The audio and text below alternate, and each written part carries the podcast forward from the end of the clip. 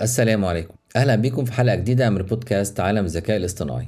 قبل ما نبدأ نقول لكم الأخبار الجديدة. بما إن كتير منكم مهتم بالجيرني ودار 3 قررنا نعمل حلقة كورس مصغر يعني. إزاي تكتب برومت تطلع لك صورة باحترافية؟ يعني المكونات الأساسية للصورة وكمان الفرعية عشان تاخد كل الكلام ده في حسابك وتعرف إمكانيات أكتر وبالتالي تطلع صور أفضل. والخبر التاني شركة Open AI بقت تخلي المستخدمين يقيموا ال GPTs اللي بيستخدموها. وده خبر جميل جدا. عشان أنا كمستخدم أقدر أعرف تقييم ال GPT اللي هتعامل معاها قبل ما أجربها وبكده أدور على ال GPTs اللي تفيدني في نفس المجال بسرعة. والمنافسة تبقى على أشدها. فعلا واللي عامل ال GPT يحاول بقى يتعب أكتر عشان يلاقي تقييم كويس لشغله. المهم يلا بينا نبدأ الكلام عن Gemini API واضح إن الكلام للمبرمجين ومطوري البرامج. يعني أي مستمع غير مبرمج مش هيكمل معانا الحلقة؟ لا ابدا اللي هنقوله النهارده مش كود. دي مصطلحات ومفاهيم وإمكانيات. يستفيد منها أي صاحب شركة أو متخذ قرار وأي حد ممكن في المستقبل يتعامل مع إمكانيات الذكاء الاصطناعي لشغله أو للمنتج بتاعه. لازم كلنا نعرف على الأقل الإمكانيات المتاحة. وعلى رأي المثل خد فكرة النهارده واشتري بكرة. إيه بقى هو Gemini API وايه الفرق بينه وبين Gemini اللي اتكلمنا عنه المرة اللي فاتت؟ ده سؤال مهم جدا. Gemini بتاع المرة اللي فاتت هو الواجهة اللي عملتها شركة جوجل عشان تتعامل مع عائلة Gemini.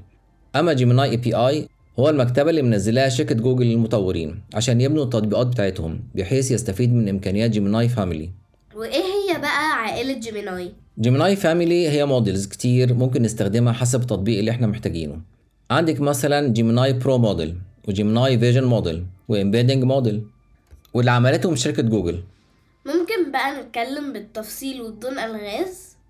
اولا مرجع الحلقة الرئيسي هو كورس موجود على Udemy اسمه Gemini AI with Python quick start وال link تلاقيه في الوصف.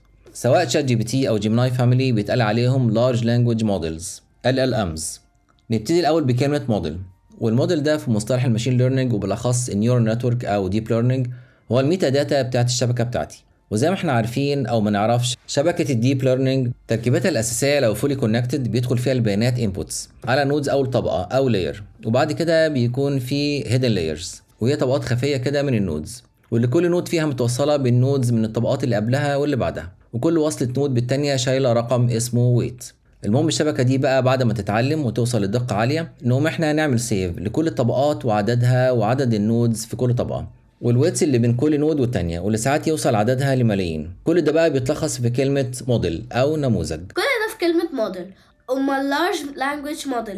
بقى يبقى إيه؟ هو موديل مدرب على مجموعة كبيرة من النصوص وبلغات كتير جدا. كتب بقى وأكواد وحتى مواقع زي ويكيبيديا. ال models دي بقى تقدر تفهم النصوص وتعرف العلاقات بين الكلمات وبعضها. وبكده تقدر تفهم اللي إحنا بنكتبه وكمان تولد نصوص وتدير حوارات. وتلخص المقالات وحاجات تانية كتير. نتكلم بقى عمليا. قبل ما نتكلم عمليا نتكلم عن ال tokens بالنسبة لل large language models وهي تقسيم النص لأجزاء. الأجزاء دي ممكن تكون كلمات أو كمان أجزاء من الكلمات. زي مثلا كلمة play. الكلمة دي تعتبر token لوحدها. لكن مثلا كلمة tokenization بتتقسم ل token و ization ودي الوحدة اللي بيحاسبني عليها جوجل أو ChatGPT. فلازم تاخد بالك يا man. يعني بدون تفاصيل ظبط ال prompt بتاعتك. ولو في parameters كمان زي max output tokens في Gemini API استخدمه ووفر فلوسك وفلوس شركتك. وقد أعذر من أنذر عندنا Gemini Pro model بياخد نص ك input ويطلع نص ك output زي مثلا تدخله نص وتقول له يلخصه أو يكمله. وعندنا Gemini Pro Vision وده بيقبل نص وصورة ك input ويطلع نص ك output زي مثلا تعمل upload لصورة وتقول له اوصف الصورة دي. وعندك كمان embedding model وده بيقبل نص ويطلع حاجة اسمها text embedding. يعني الموديل ده ممكن يحول الجملة أو ال document ل vector. وده عبارة عن مجموعة كبيرة من الأرقام بتمثل الجملة أو ال document أو الكلمة. وعموما ال embedding ده مفيد جدا وبيساعدنا في حاجات كتير. زي؟ أولا بيساعدنا نفهم البرومت اللي بيكتبها المستخدم عشان نقدر نجاوب عليها. وبيساعد كمان لو عندنا مجموعة من الملفات. نقدر نعرف مين الملفات اللي شبه بعض يعني معانيهم قريبة من بعض. يعني إيه معانيهم قريبة من بعض؟ يعني الملفات اللي بتتكلم عن الرياضة مثلا واللي بتتكلم عن الأخبار واللي بتتكلم عن التكنولوجيا وخلافه. بما إني ممكن أحولهم لفيكتورز يبقى أقدر أعرف مين فيهم شبه التاني عن طريق حاجة زي مثلا cosine similarity وده رقم بيمثل الزاوية بين كل vector والتاني. لو الزاوية قريبة من الصفر معنى كده إن المتجهين شبه بعض. وكل ما كبرت الزاوية كل ما قل التشابه بين المتجهين. وبكده كمان بيستخدموه في محركات البحث.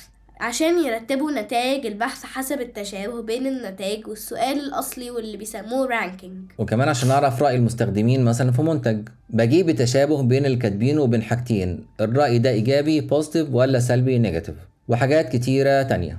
عندك بقى ال RAG Retrieval Augmented Generation.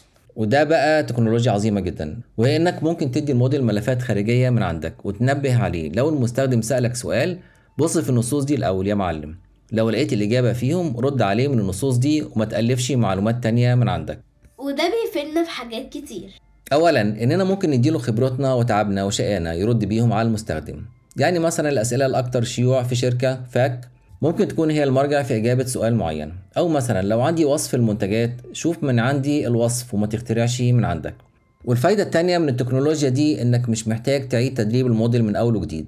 هو أصلا متدرب على ملايين الملفات. بس التكنولوجيا دي بتتيح له يزود على اللي اتعلمه مش يتعلم من أول وجديد. بس معلش يعني إيه معنى العبارة أصلا Retrieval Augmented Generation تعالي ناخدها واحدة واحدة. retrieval وهي مرحلة تحليل النص أو النصوص اللي بديها للموديل واستخراج النص أو النصوص المناسبة للإجابة.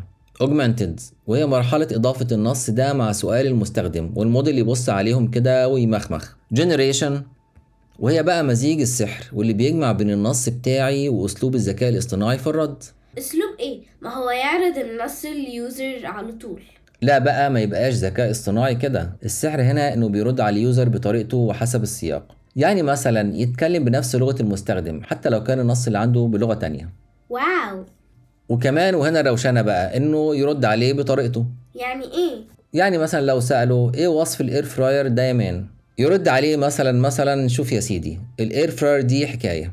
تعمل لك أكل صحي أنت وعيلتك وتدلعك كده وتوفر بقى الفلوس اللي بتدفعها في الزيت واللي مليان زيوت مهدرجة. ولو كان المستخدم سأله ما هو وصف القلاية فيليبس من فضلك؟ يقول له هذا منتج رائع يستطيع من خلاله تحضير وجبات صحية لك ولعائلتك وتوفر من خلاله المال الكثير والذي قد تنفقه على الزيوت المهدرجة الغير صحية. وفوائد مترتبة على ال RAG وهي إنك بتطمن أكتر لرد الذكاء الاصطناعي.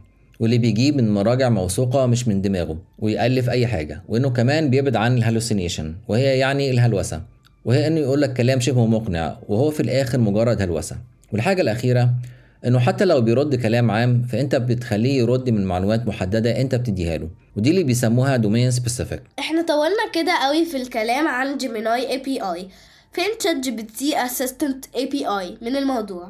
إحنا اتفقنا هنتكلم من غير تفاصيل technical نفس المفاهيم اللي اتكلمنا عليها تنطبق على تشات جي بي تي اسيستنت اي بي اي يعني الموديل ممكن ياخد نص ويطلع نص أو نص وصورة ويطلع نص أو يقبل نصوص خارجية يعتمد عليها اولا في الإجابة. والزيادة هنا إنك ممكن تنشئ صورة من خلال ال API عن طريق DALL-E 3 مش متأكد جوجل Gemini API في الإمكانية دي ولا لأ. يلا نقول كفاية. ماشي يا سلمى كفاية. بس لسه في مرة جاية نتكلم فيها أكتر عن تشات جي بي تي اسيستنت اي بي اي ونلخص الفرق بينها وبين Gemini API اكتبوا لنا رأيكم واقتراحاتكم للحلقات الجاية. أتمنى الحلقة تكون عجبتكم. أراكم بخير يا أحلى متابعين. كان معكم أيمن حامد. وسلمى أيمن حامد. كنتم مع بودكاست عالم الذكاء الاصطناعي. والسلام عليكم ورحمة الله وبركاته.